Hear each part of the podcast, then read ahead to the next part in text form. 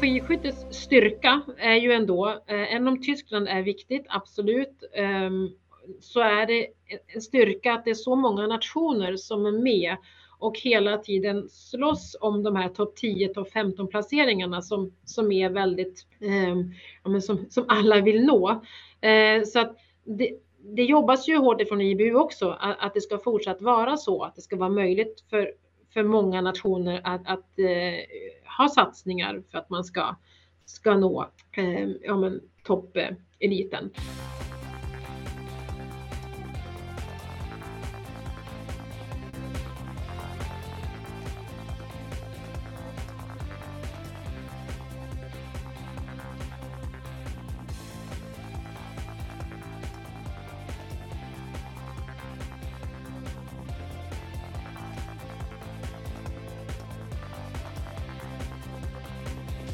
Mycket varmt välkomna till julpodden 2021 här av O-ringen-podden. Och den här julpodden säger vi hej och välkomna till Sofia Domej. Hallå där Sofia! Hej hej! Vad trevligt att få vara med här. Ja, verkligen. I julpodden säger jag, jul för Sofia Domej, vad innebär det? Åh, det innebär eh, Förhoppningsvis får man lägga till, men det är massor av snö, eh, gärna mycket skidåkning, få vara tillsammans med eh, familj och eh, vänner förstås. Och sen så, jag är ju en sån här som älskar julmat, så jag ser fram emot det också. Är det något speciellt där på julbordet som du siktar in det på? Ja, det, det, är det faktiskt. Eh, jag kommer ju från en familj där det jagas väldigt mycket så att eh, till eh, fleras förtret då, så jag ser verkligen fram emot fisken på julbordet. Jaha. Jag är en sillälskare och andra typer av fisk också. Så att det tycker jag är jättegott. Jag ser fram emot det. Nu ska vi inte prata så mycket sill, men jag håller med dig. Jag gillar också sillen på julbordet. Det måste jag verkligen erkänna. Ja. Sofia Domej, vem är det? Mm. Vem är du Sofia? Ja, det är ju en eh, svår fråga att eh, få, en svår fråga att svara på. Eh, jag är född, om jag börjar från början, och uppvuxen i Hälsingland faktiskt, i Ljusdal. jag var tio år. Har alltid haft ett stort intresse för idrott flyttade norrut. Eh, mina föräldrar eh, ville hemåt och eh, hamnade längs med Norrlandskusten, fem mil norr om Örnsköldsvik. Ute på landet riktigt och bodde där tills jag var 15. Sen har idrotten tagit mig till lite olika platser i norra delen av landet där jag har gått skidgymnasium och fått också gå skid eller utbildat mig på universitet samtidigt som jag har varit elitidrottare, vilket har varit jätteviktigt för mig. Numera bor jag i Örnsköldsvik där jag då hamnade till slut med min sambo och två döttrar. Och har fortsatt ett väldigt stort intresse för idrott, måste jag säga. Det har mm. varit en stor del av mitt liv, men det är någonting som verkligen jag brinner för och tycker mycket om också. Ja, det finns ju en hel del att beta av där. Du har haft en väldigt, väldigt härlig karriär, både som längdåkare och som skidskytt. Och eh, det faller sig ganska naturligt, känner jag då, född och uppvuxen i Hälsingland Ljusdal som du säger, flyttade till de norra delarna av Ångermanland då, mellan Övik och Nordmalen, kan vi väl säga ungefär. Eh, där någonstans. Så att vintern har ju ändå varit ett element. Sofia, håller du med om det? Ja, men det får jag säga. Det har det, det, har det absolut varit. Ehm, I idrottssammanhang. Sen, sen har jag ju också varit aktiv i idrotter som inte bara utövas vintertid faktiskt. För jag eh, har ett eh, förflutet. Jag kan, inte, kan ju inte eh, glänsa med så jättestora framgångar internationellt, men jag har faktiskt ägnat mig eh, mycket åt orientering också. Så att, eh, det har varit eh, fyllt mitt liv under sommartid, framförallt tills jag var ja, passerade 2021 någonstans. Mm. Ja, det är ju härligt. Vi får ju den ingången också till O-ringen-podden här. Och på tal om O-ringen, du var ju en del av Radio O-ringen och våran härliga redaktion då i Örnsköldsvik 2018. Vad minns du av den veckan, Sofia? Ja, det var fantastiskt roligt. Eh, det var varmt och det var en fin sommarvecka. Det var många fantastiskt härliga människor på plats i Örnsköldsvik eh, utifrån att O-ringen förstås genomfördes här då. Eh, det var en folkfest, eh, vill jag framför, framhäva. Det var jättetrevligt och för mig så var det väldigt eh, spännande också att få stå och vara så nära alla orienterare eftersom att jag fick eh, stå på plats i målfållan och göra många spännande intervjuer också. Så det var jättekul. Mm. Hur, hur, tror du att Örnsköldsvik så att säga, kan ta vara på det här? För jag menar, vi var ju ändå vad ska jag säga, 20-25 000 orienterare i Örnsköldsviken 8-10 dagar ändå. Vad betyder det där för Örnsköldsvik tror du?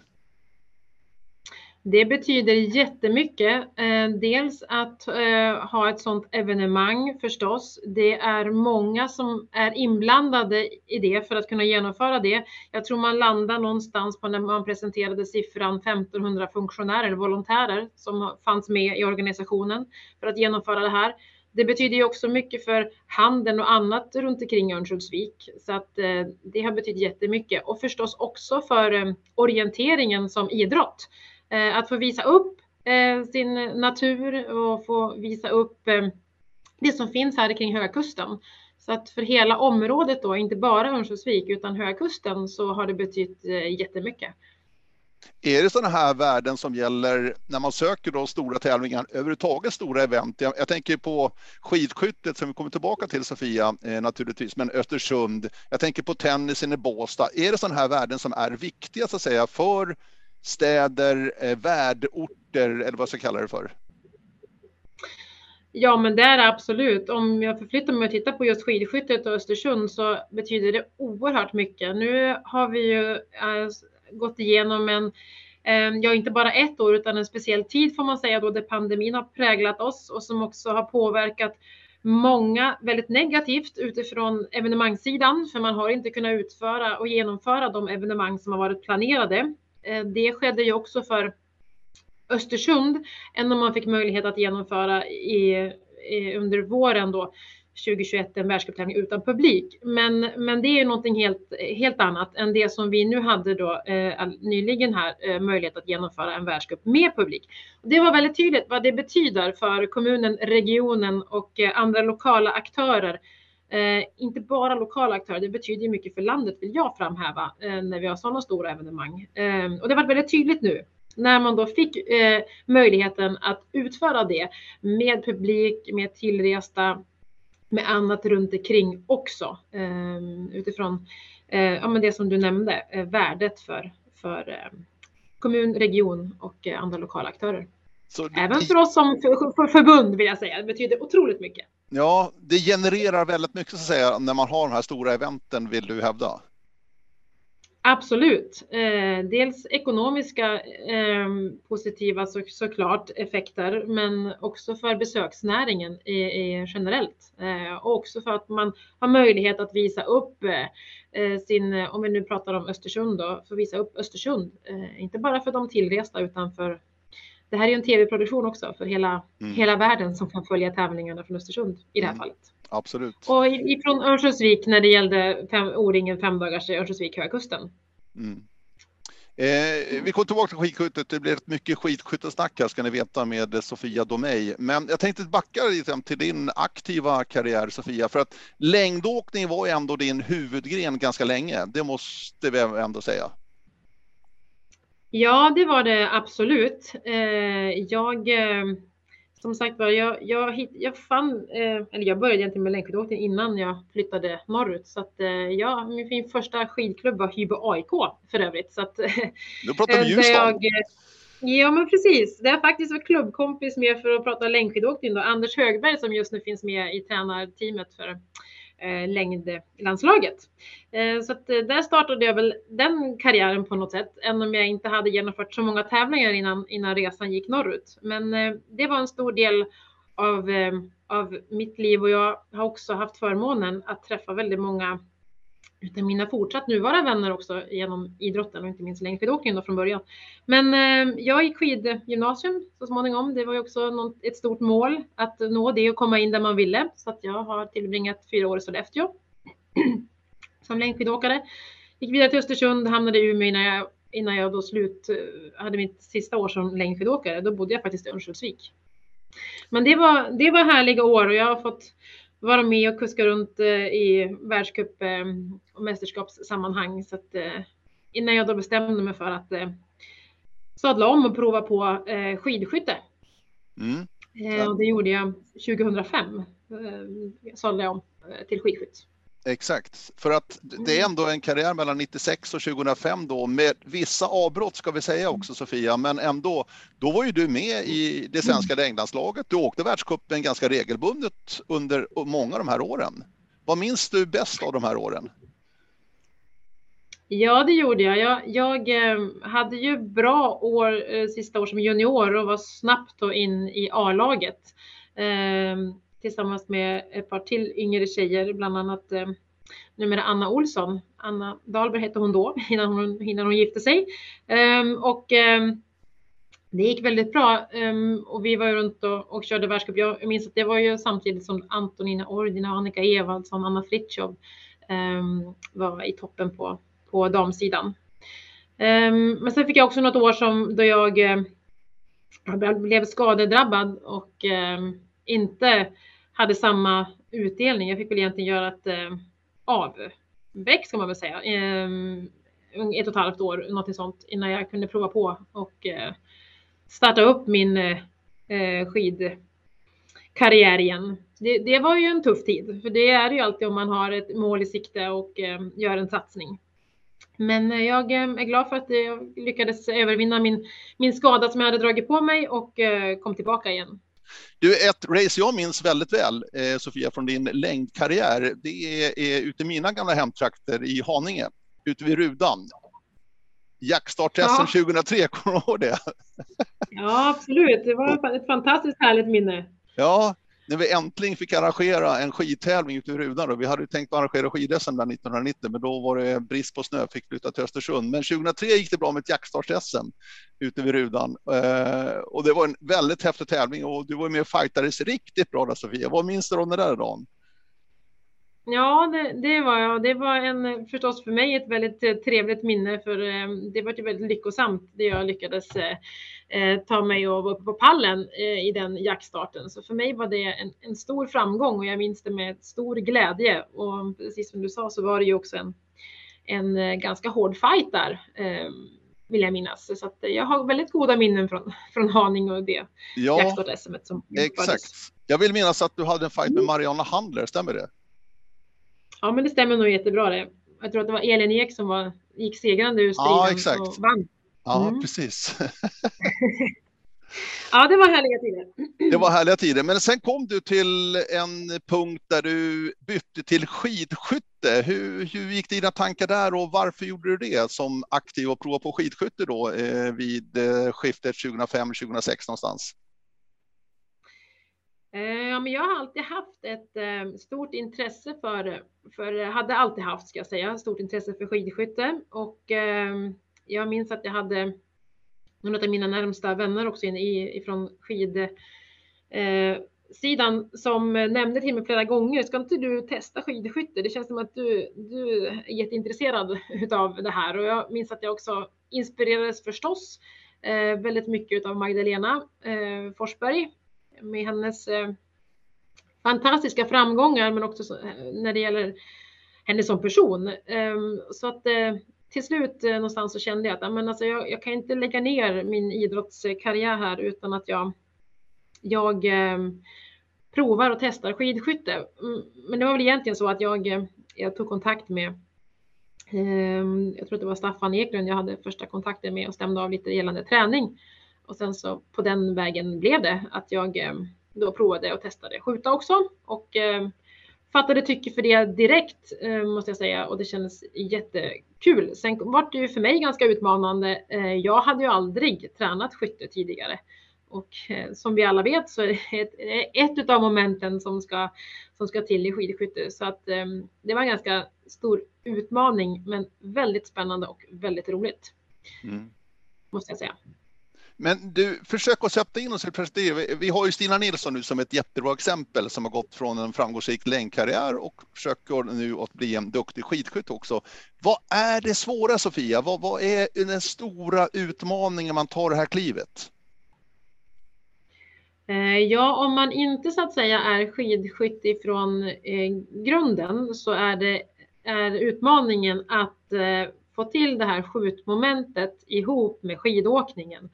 Därför att eh, har man åkt skidor och är van det och man har ju någonstans eh, skapat eh, ett sätt att hantera det här på. Nu ska man sätta på sig ett gevär på ryggen och så ska man då också eh, skjuta och klara av den, jag säger belastning, för det är det som, eh, eh, som är för att lyckas på skjutvallen. Så att det, det gäller att det, det är ganska komplext att få ihop den här helheten. Men det är väl det som gör det så otroligt spännande med skidskytte också. Att eh, det är eh, flera moment som ska klaffa, som man ska få ihop och som man då ska också lyckas med i eh, ett tävlingsmoment. Mm. Så att det är klart att det kräver ju mycket träning. Det kräver också mycket mentalt och sen så det är klart att Sen kan man alltid diskutera vad är talang, men, men det är klart att det krävs eh, det också, någon fallenhet för att eh, klara av det här. Ja, för när man ser nu liksom eh, hur skidskyttet har utvecklats och hur otroligt duktiga de är. Eh, det är så otroligt små marginaler känner man också. För Stina Nilsson nu till exempel i hennes karriär när hon försöker bli skidskytt. Det går ju bättre och bättre alldeles tydligt. Men det tar sin lilla tid att lära sig allt det här för att man måste ju vara oerhört snabb också. Det är små sekunder bara.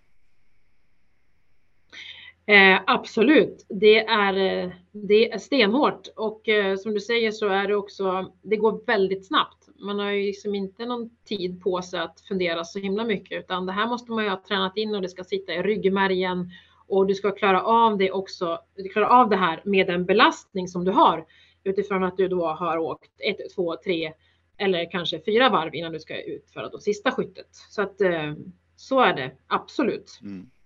Så det, kräver, eh, det kräver ett antal år av träning för att, eh, för att, för att nå den här. Och det, det, jag menar, det här, det här är skidskyttar. Det här är personer som har varit skidskyttar i många, många år och tränat många, många timmar. Så att eh, det, det är klart att det är eh, att det håller väldigt, väldigt hög nivå. Mm. Och nu backar till dig själv Sofia, vad var det svåraste att säga att få ihop i slutändan för att bli en bra skidskytt? Ja, men jag tror att det är att få ihop helheten för, för sin egen del. Liksom. Att, att eh, få ihop eh, skidåkning med, med skytte och det i en tävlingssituation där det också eh, är eh, nerver och annat som ska hanteras. Är det mer tänka, jag tänker själva åkmomentet då i skidskyttet, att man måste tänka och lägga upp en strategi på ett annat sätt jämfört med längdskidåkning där liksom gäller att ligga på så nära maxpuls hela tiden liksom. Förstår du hur jag tänker? Ja, men det är som två, det är egentligen två skilda idrotter. Även om det är roligt att göra jämförelser så tillvida att eh, vi åker på smala skidor och, och eh, det är skate som gäller för, för skidskyttarna då och som längdåkare åker man också skate eh, ibland. Eh, men det är två helt skilda saker. Det är inte så här att det, jag menar som, som skidskytt och du, ska, och du följer pulskurvor och annat så är det liksom, du ligger otroligt nära din, din eh, maxnivå under ett lopp. Um, sen pratas det mycket om att du kör den här um, slutrundan um, mm. som, du, som är den sista rundan du kör för sista skyttet. Att då liksom, då är det sista, ja, hur man nu ska uttrycka det, spurten som, som uh, läggs till. Men uh, du ligger otroligt nära din uh, maxnivå hela tiden och det krävs för att du ska göra toppresultat som skidskytt. Ja, det är superspännande tycker jag och eh, du är ju inte vem som helst kunna uttala dig skidskytte Sofia. Du är ordförande i Svenska skidskytteförbundet. Eller hur? Ja, precis. Det hur är länge, jag. Hur ja. länge har du suttit där nu på din post? Um, ja, men jag um, klev på som ordförande uh, slutet på november, eller november 2018. Så att uh, tre år ganska precis mm. har jag uh, varit ordförande i Skidskytteförbundet. Hur tänkte du när du fick frågan? Hur värderar du hur, hur, liksom, hur tacklar du den frågan? Eh, ja, eh, det, var, det, var, det var så här att jag, jag eh, blev invald i styrelsen 2016 och sen under 2017 så, så fick jag då frågan om att vara vice ordförande. Eh, och eh, sen så under det, det året eller under 2018 så, så eh, våran eh, dåvarande ordförande Olle Dalin eh, kandiderade för posten som president för internationella skidskytteförbundet.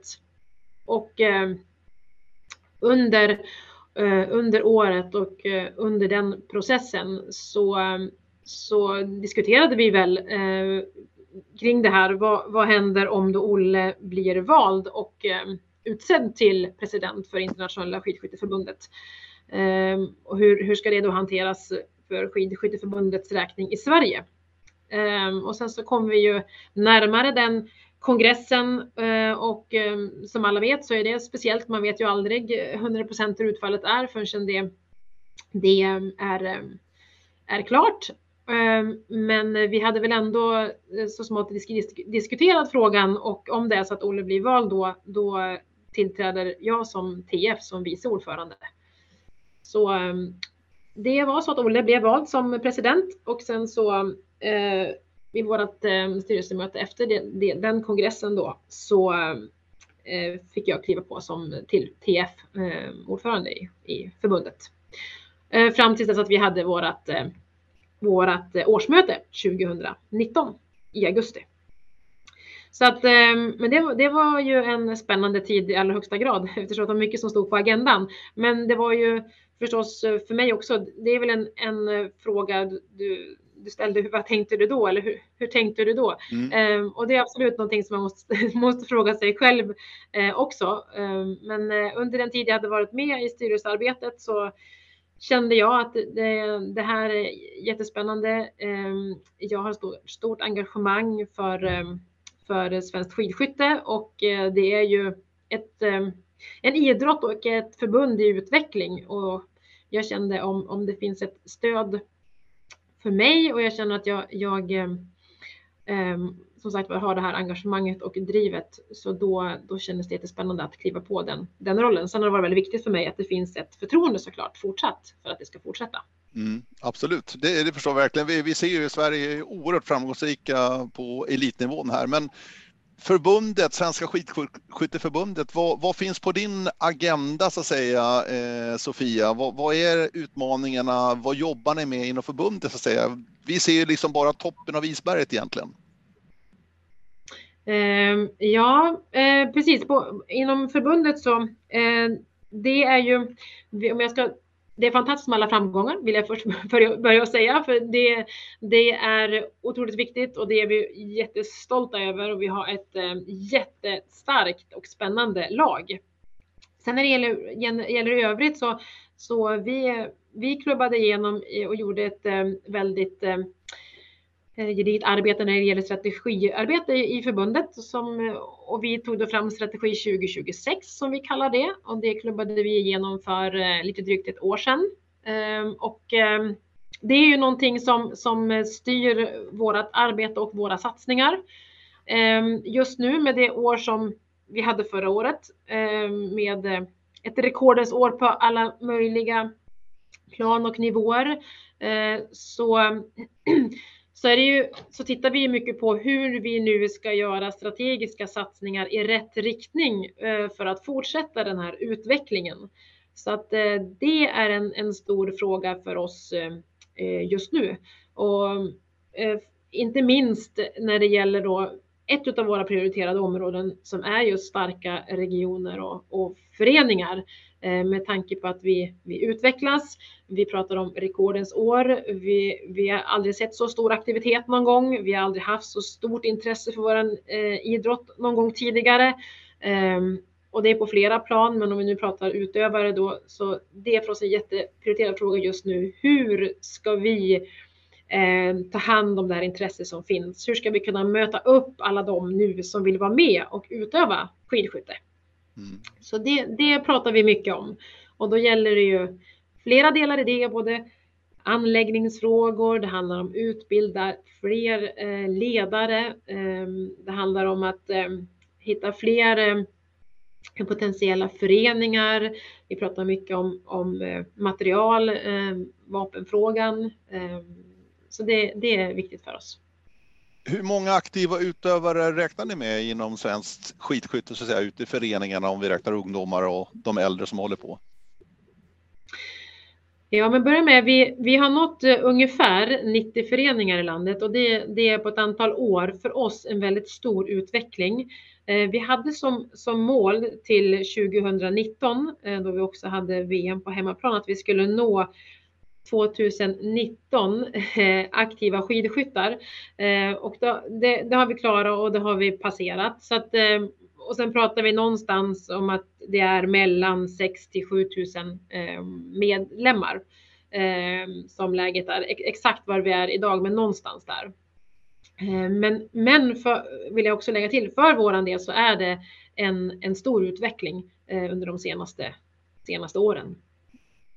För att kliva in i skidskyttevärlden så, säga, så krävs det ändå någon slags skjutbana eh, som föreningen ändå kan ha tillgång till? Eller hur fungerar det? Jag menar, för alla föreningar har ju inte en skjutbana i närheten. Det måste ändå vara en liten hämsko någonstans för rekryteringen och utvecklingen, eller?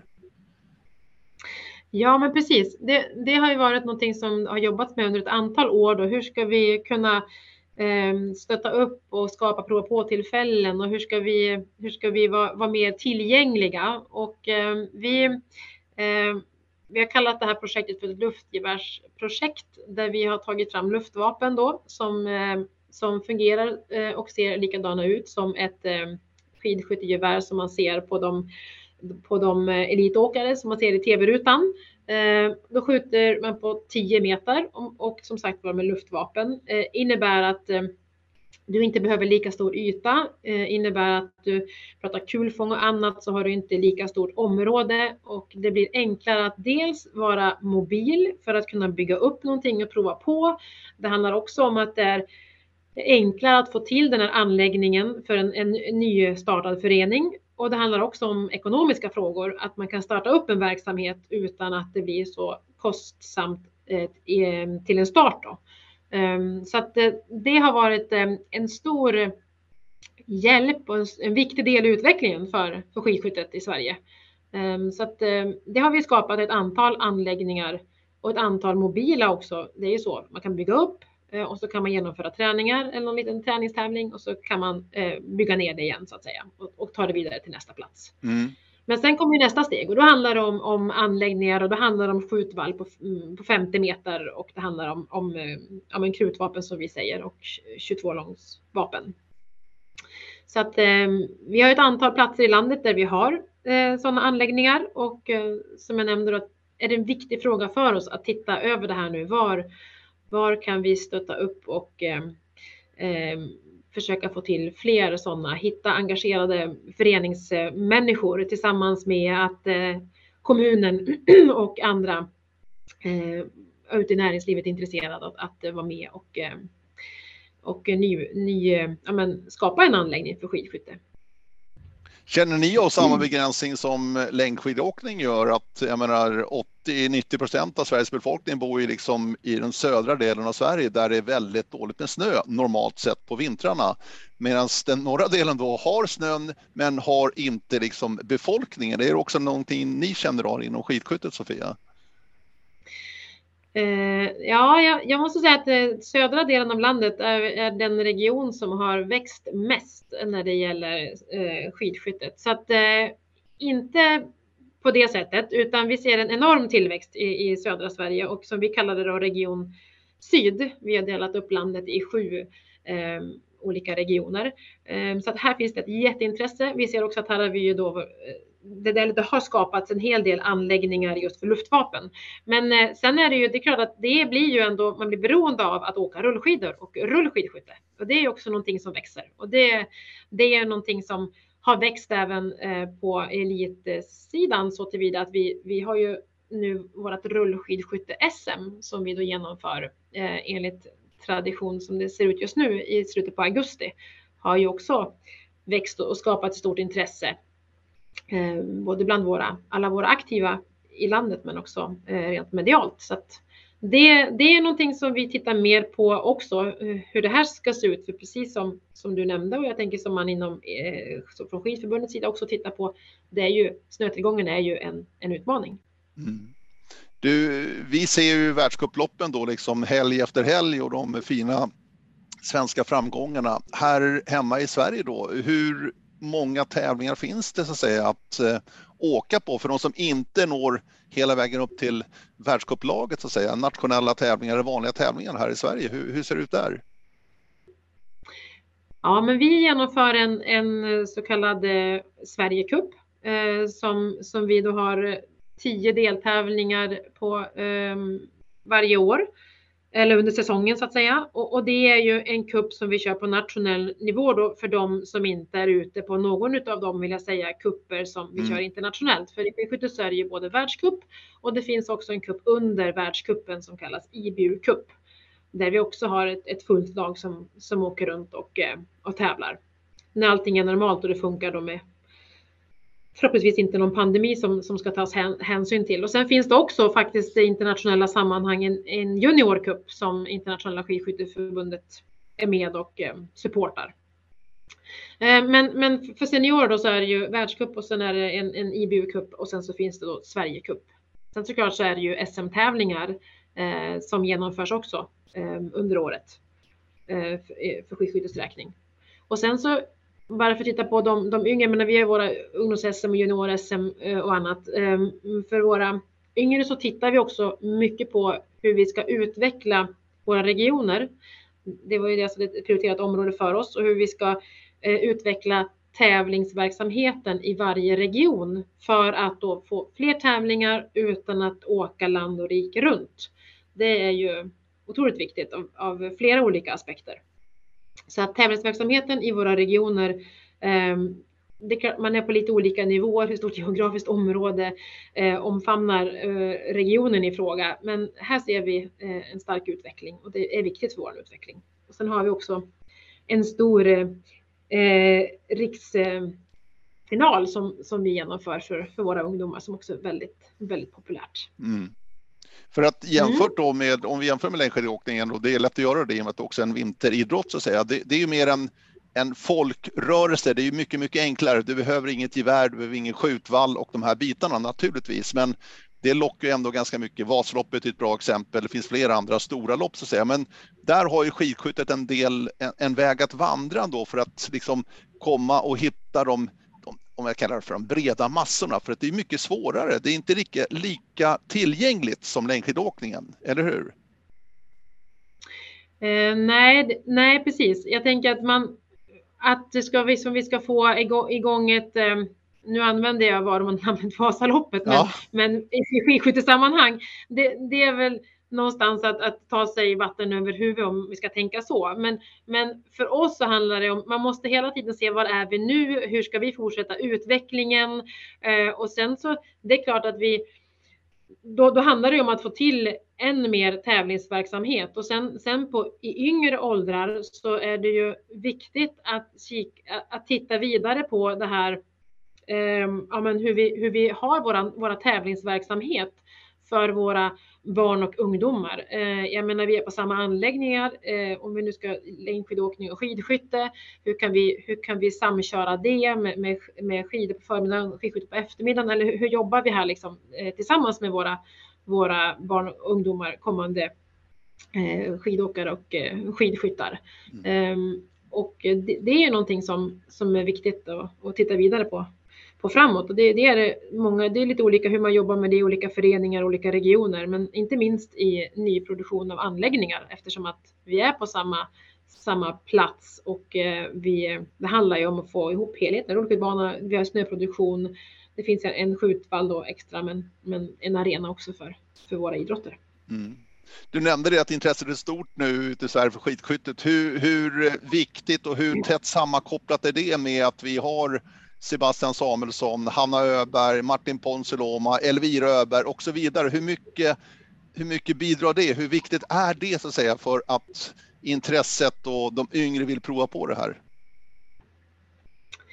Jätteviktigt. Eh, jag tänker att det är starka förebilder eh, och eh, det är också det, är väldigt viktigt att, att de syns eh, och att man, de skapar ju ett intresse förstås. Och här, här är det ju för våran, våran del så är ju vi väldigt eh, eh glada för och, och tacksamma för eh, eh, de de tv-sändningar som vi har, att vi under pandemin också fortsatt Internationella sjuksköterskeförbundet gjorde ett jättejobb så att världskuppen kunde genomföras, eh, vilket gjorde att vi, vi var synlig hela, hela fjolåret. Så att de har en, en jätteviktig roll i utvecklingen för, för svenskt skidskytte, absolut. Eh, sen tillsammans då att, med att vi från förbundets sida finns med och stöttar upp i den här utbildningsfrågan och annan, annan utveckling som, som behöver eh, till för att vi ska kunna ta vara på intresset. Och det, det är ju också att fortsätta utvecklingen för förbundets räkning, fortsätta men när det gäller att stärka den redan, redan starka organisationen, men ytterligare, vad behöver vi göra mer? Vad kan vi förstärka ytterligare? Skidskyttekonsulenter ute i landet, vad, hur, hur, ska vi jobba eh, för att vi ska möta, möta behovet som finns? Mm. Så att, eh, men tillbaka till det du frågade om, jätteviktigt och de har en jätteviktig roll eh, som starka och eh, mycket fina förebilder. Och en annan sak jag tänker på, på tal om organisationen där, Wolfgang Pichler var ju i princip, eh, alltså han var ju, han var ju allsmäktig någonstans. Och så plockar ni fram Johannes Lukas ur rockärmen och vilken jackpot det har varit Sofia. Ni måste vara oerhört nöjda med hans jobb och hur han, hur han är, hur bra svenska han pratar och alla de här bitarna. Det är ju, jag är otroligt imponerad av honom. Vad säger ni själva? Absolut. Eh, Johannes Lukas gör ett eh, fantastiskt jobb och eh, det är klart att han kom in som, nu hade han funnits med ett par år tillsammans med det svenska teamet, men då klev på fullt ut 2019 och han i sammanhanget var ju ung, men också tillsammans med det, det team som han har med, med övriga tränare, skjuttränare och andra resurser som finns runt laget så är de oerhört starka och det görs ett fantastiskt eh, arbete. Eh, ett fantastiskt jobb där eh, när det jobbas väldigt målmedvetet, väldigt seriöst, man lämnar ingenting åt slumpen eh, och det har det också gjorts under flera år, vilket är en utav förstås anledningarna till att man, man är eh, där man är idag. Och här är Johannes Lukas också en väldigt driven och engagerad person som, som ehm, är väldigt eh, seriös och målmedveten. Jätteviktigt. Du är självklart nöjd med inledningen här av säsongen för de svenska skidskyttarna i världskuppen, men är du överraskad? Ja, alltså att det är ett starkt, vi pratar om rekordens år från fjolåret med antal pallplatser och VM-medaljer och eh, annat som laget radade upp. Men någonstans har känslan varit att vi, vi kliver in, kan låta lite kaxigt, men in i den här säsongen än starkare. Ofta är det ju som att man känner att det, det skapar en förväntan, det skapar ju en massa saker.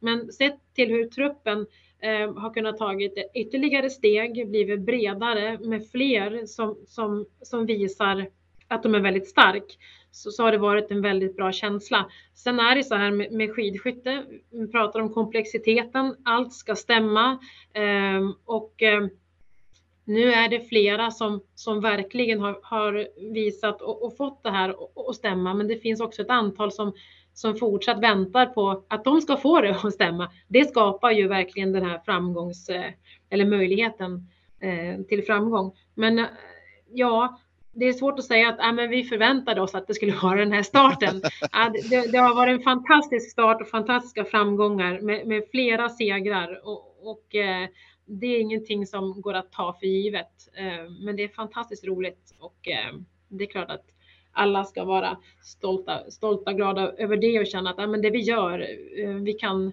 vi kan fortsätta jobba på det sätt som vi har gjort. Vi ser att det ger goda resultat. Vi kan vara lugn och trygg i det. Så att det känns ju fantastiskt, tänker jag, och för laget också att man kan, kan känna det.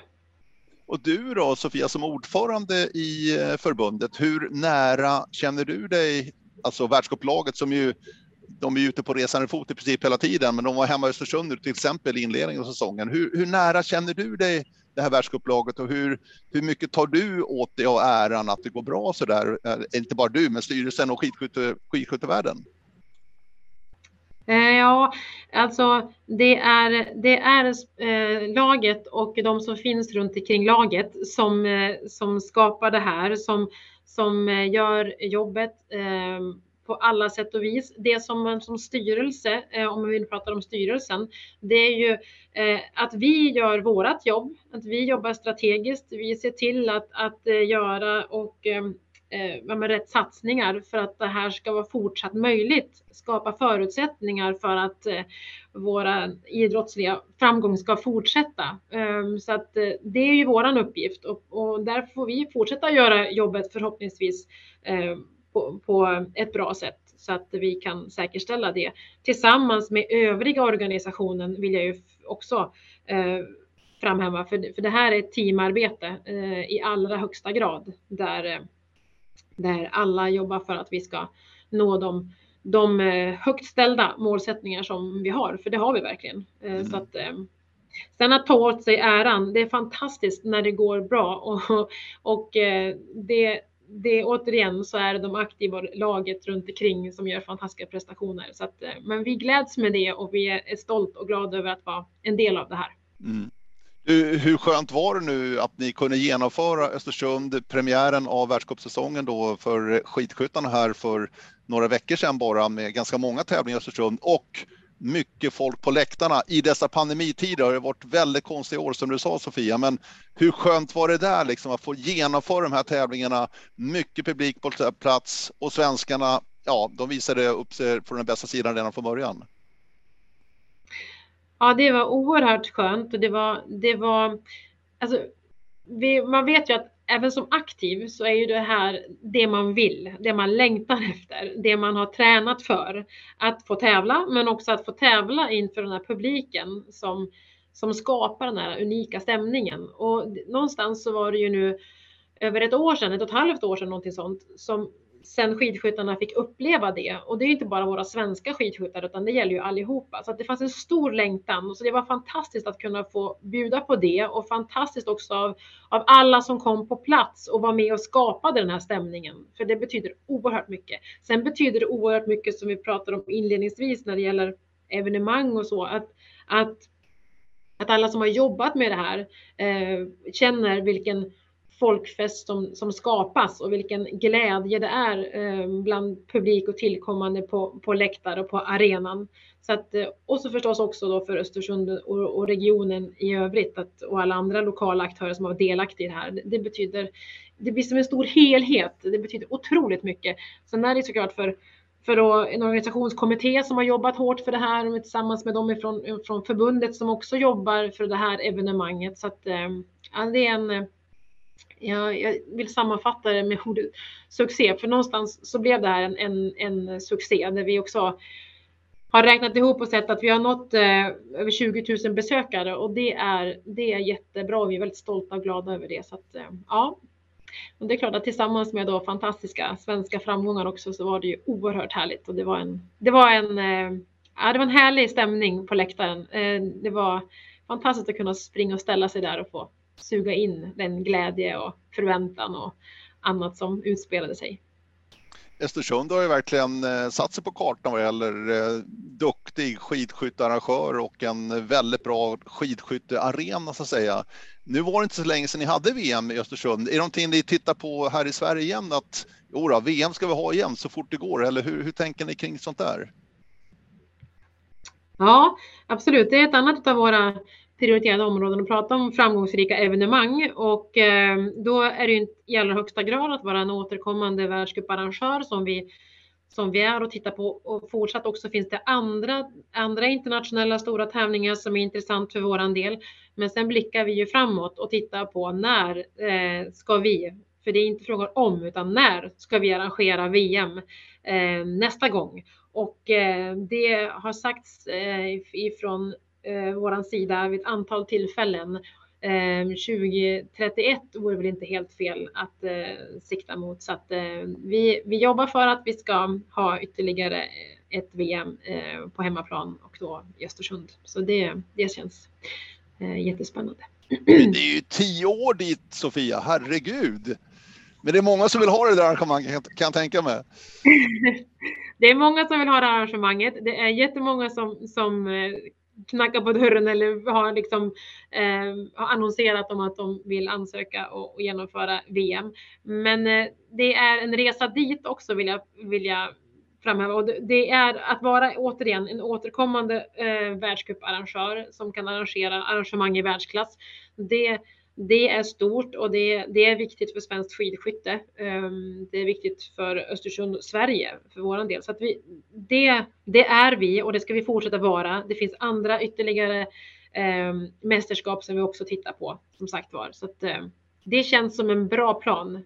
Eh, det är ungefär så det brukar se ut. Eh, Sverige arrangerade ju sist eh, skidskytte-VM 2008 och så 2019 nästa sväng då. Så att vi lägger på ett år till på det till 2031 istället för 2030.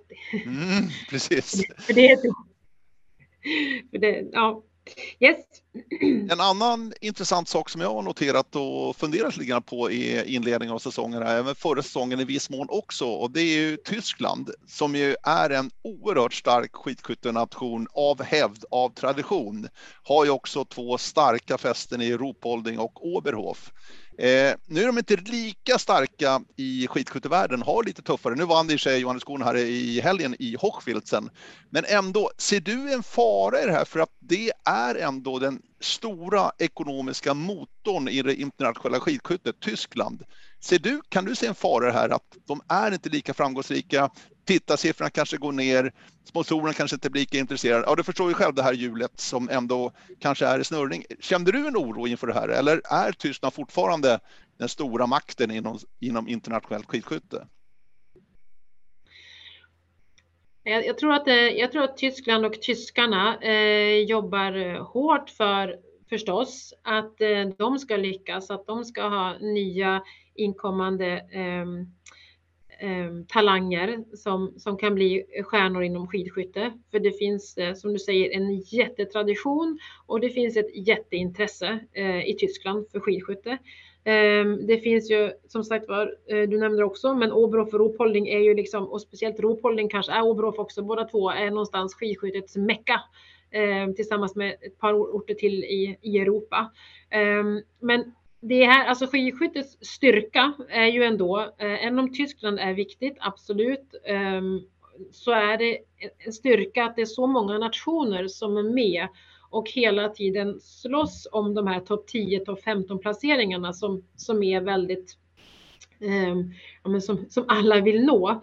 Eh, så att det, det jobbas ju hårt ifrån IBU också, att, att, det ska fortsatt vara så, att det ska vara möjligt för, för många nationer att, att eh, ha satsningar för att man ska, ska nå eh, ja, toppeliten. Och, och, och det, det ser vi väl som, som en, om vi tittar på andra idrotter, eh, att här jobbas det som sagt från IBUs sida väldigt eh, strategiskt med det här att man ska fortsätta ha det så här. Och, och då hoppas vi, igen om vi då från Sverige gärna vill ha många pallplatser och gärna vill vara högst upp hela tiden, så, så gläds vi med att, att det fortsatt ser ut så här, för det, det skapar och, och, det är viktigt för intresset eh, för skidskyttet. Men, eh, men orolig, eh, jag tror att, eh, att tyskarna det här går ju också i vågor eh, och eh, jag vet att eh, det jobbas eh, från deras sida väldigt hårt för att och nu, det var ju väldigt roligt att se det som de ändå lyckades med i helgen och Denise Herrmann är också en, en tjej som, som ofta gör fina lopp. Så att um, vi hoppas att de också um, ska vara med och um, slåss om de ädlaste valörerna framåt. Mm. Precis som de har varit eh, tradition, historiskt under väldigt många år och haft många stora stjärnor. Absolut. Denise Hammer är ett bra exempel, precis som Magdalena Forsberg och byta längdskidåkning till skidskytte förresten, kan vi notera. Ja, ja precis. Du, du det är ju en OS-vinter det här, eh, Sofia. Ett OS i Peking i eh, februari. Vi minns ju med värme verkligen de fantastiska skidskytteframgångarna i Pyeongchang 2018. Eh, I princip samma lag nu. Fredrik Lindström är ju inte kvar i och för sig, men annars är det ju ungefär samma manskap som nu är fyra år äldre, fyra år starkare. Vad känner du inför OS i Peking och skidskyttet, Sofia? Ja, men det känns jättespännande eh, att eh, vi har ett OS, eh, ett OS-år, en OS-säsong eh, och vi börjar ju med stormsteg närma oss också dessutom. Ehm, och ehm, att det är en, en sån bra stämning och ett sånt bra läge för, för truppen rent generellt. Eh, vi pratar om framgångar och, och eh, den trygghet som, som råder. Så att, eh, men vi vet alla, ett, ett OS är ett OS och ehm, men som aktiv och eh, som, som eh, eh, an, tränare och andra i laget så är det som man måste försöka se det som, som vilken eh, tävling som helst som man ska, ska genomföra där och då. Men det var ju grymt i Pyeongchang. Det var ju helt fantastiskt. Det var ju ändå lite överraskande, ja, ja. de framgångarna där. Ja, absolut. Det var överraskande och det var, det var inget annat än helt fantastiskt det som det svenska laget lyckades göra där. Och det var väl väldigt oväntat från många håll och kanter att det skulle kunna bli sådana framgångar som det blev. Eh, och, ja, fantastiskt. Men precis som du sa så är det ju, det är flera utav våra åkare som fanns med då som nu har fyra år till eh, med eh, bra träning bakom sig och har också, eh, har också ett, eh, ett OS, eh, har upplevt ett OS och har skapat sig erfarenhet som också som krävs. De behövde det bevisligen inte mm. då, men annars pratar man ofta om att det krävs och, och, det är bra att ha med sig det. Så att eh, det ser ju såklart jättebra ut och, och väldigt positivt. Ja, vad trevligt. Eh, skidskyttet är ju väldigt, väldigt populärt bland eh, tv-tittarna, inte bara i Tyskland som vi pratade om, utan även här i Sverige. Det är ju ett enormt intresse, Sofia, för skidskytte. Alltså i gemene man där i tv-soffan. Ja, verkligen. Eh, och det är vi väldigt glada och stolta över eh, att det är så. Att det, eh, det är en fantastisk eh, tv-sport också. Eh, och sen är vi väldigt eh, glada över de sändningar som har gjorts och produktionerna som har tagits fram som levereras rakt, rakt in i tv-soffan. Men vi har faktiskt, vi har aldrig uppnått, du säger också, vi har aldrig uppnått sådana såna tittarsiffror som vi gör nu och det, det är ju jätteroligt och det är ju för våran del förstås eh, också väldigt viktigt. Vi, vi kan stärka vårt varumärke ytterligare och vi kan, vi kan jobba vidare med det här och, och eh, intresset fortsätter att, eh, att växa. Så att, eh, ja, det är jättekul. Det gäller bara att ni kan ta hand om alla som vill prova på det här också. Som du var inne på inledningsvis. Ja, ja precis. Vi, vi jobbar för det och vi, vi gör eh, det man måste liksom hela tiden jobba utifrån där man är och, och, och ta steg i rätt riktning. Så att eh, det, det tycker jag att vi gör och det ska vi fortsätta att göra. Så att, eh, absolut. Och det är kul. Det här är ju, det är jätteroligt. Men det är klart man får vara medveten om att med det så med framgångar och med möjligheter finns det en del utmaningar. Men, men som jag brukar säga, utmaningarna är till för att, för att lösas och skapa möjligheter av. Så att det är det vi jobbar med. Stort tack Sofia Domey. Det var väldigt, väldigt trevligt. Nu ska du få fira lite jul också tänkte jag. Ja, precis. Vad trevligt. Och få äta lite sill då så småningom också om vi ska återkomma till det. Nej, julen är en härlig tid. Men, vi, men eh, som med många av oss som reser mycket så, så är det ju inte alltid man är med hela resan fram till jul med adventsfirande och annat. Men, men eh, det har väl jag har fått eh, skapat traditioner med, med de här sista åren så det är också väldigt trevligt eh, med, med Lucia och annat som, som är viktigt för många och som är också väldigt mysigt för barn inte minst. Ja, speciellt har man barn hemma så är ju julen lite trevligare måste jag säga. Ja, jo, det, det är härligt.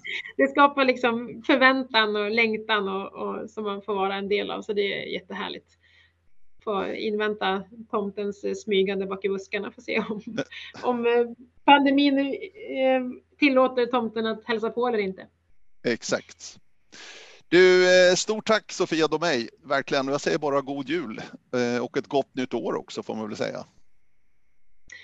Stort tack säger jag också. Eh, Det var hedrande att få vara med och jag önskar dig också god jul och gott nytt år och alla lyssnare. Och så um, ser jag fram emot att vi fortsatt får följa en spännande skidskyttesäsong.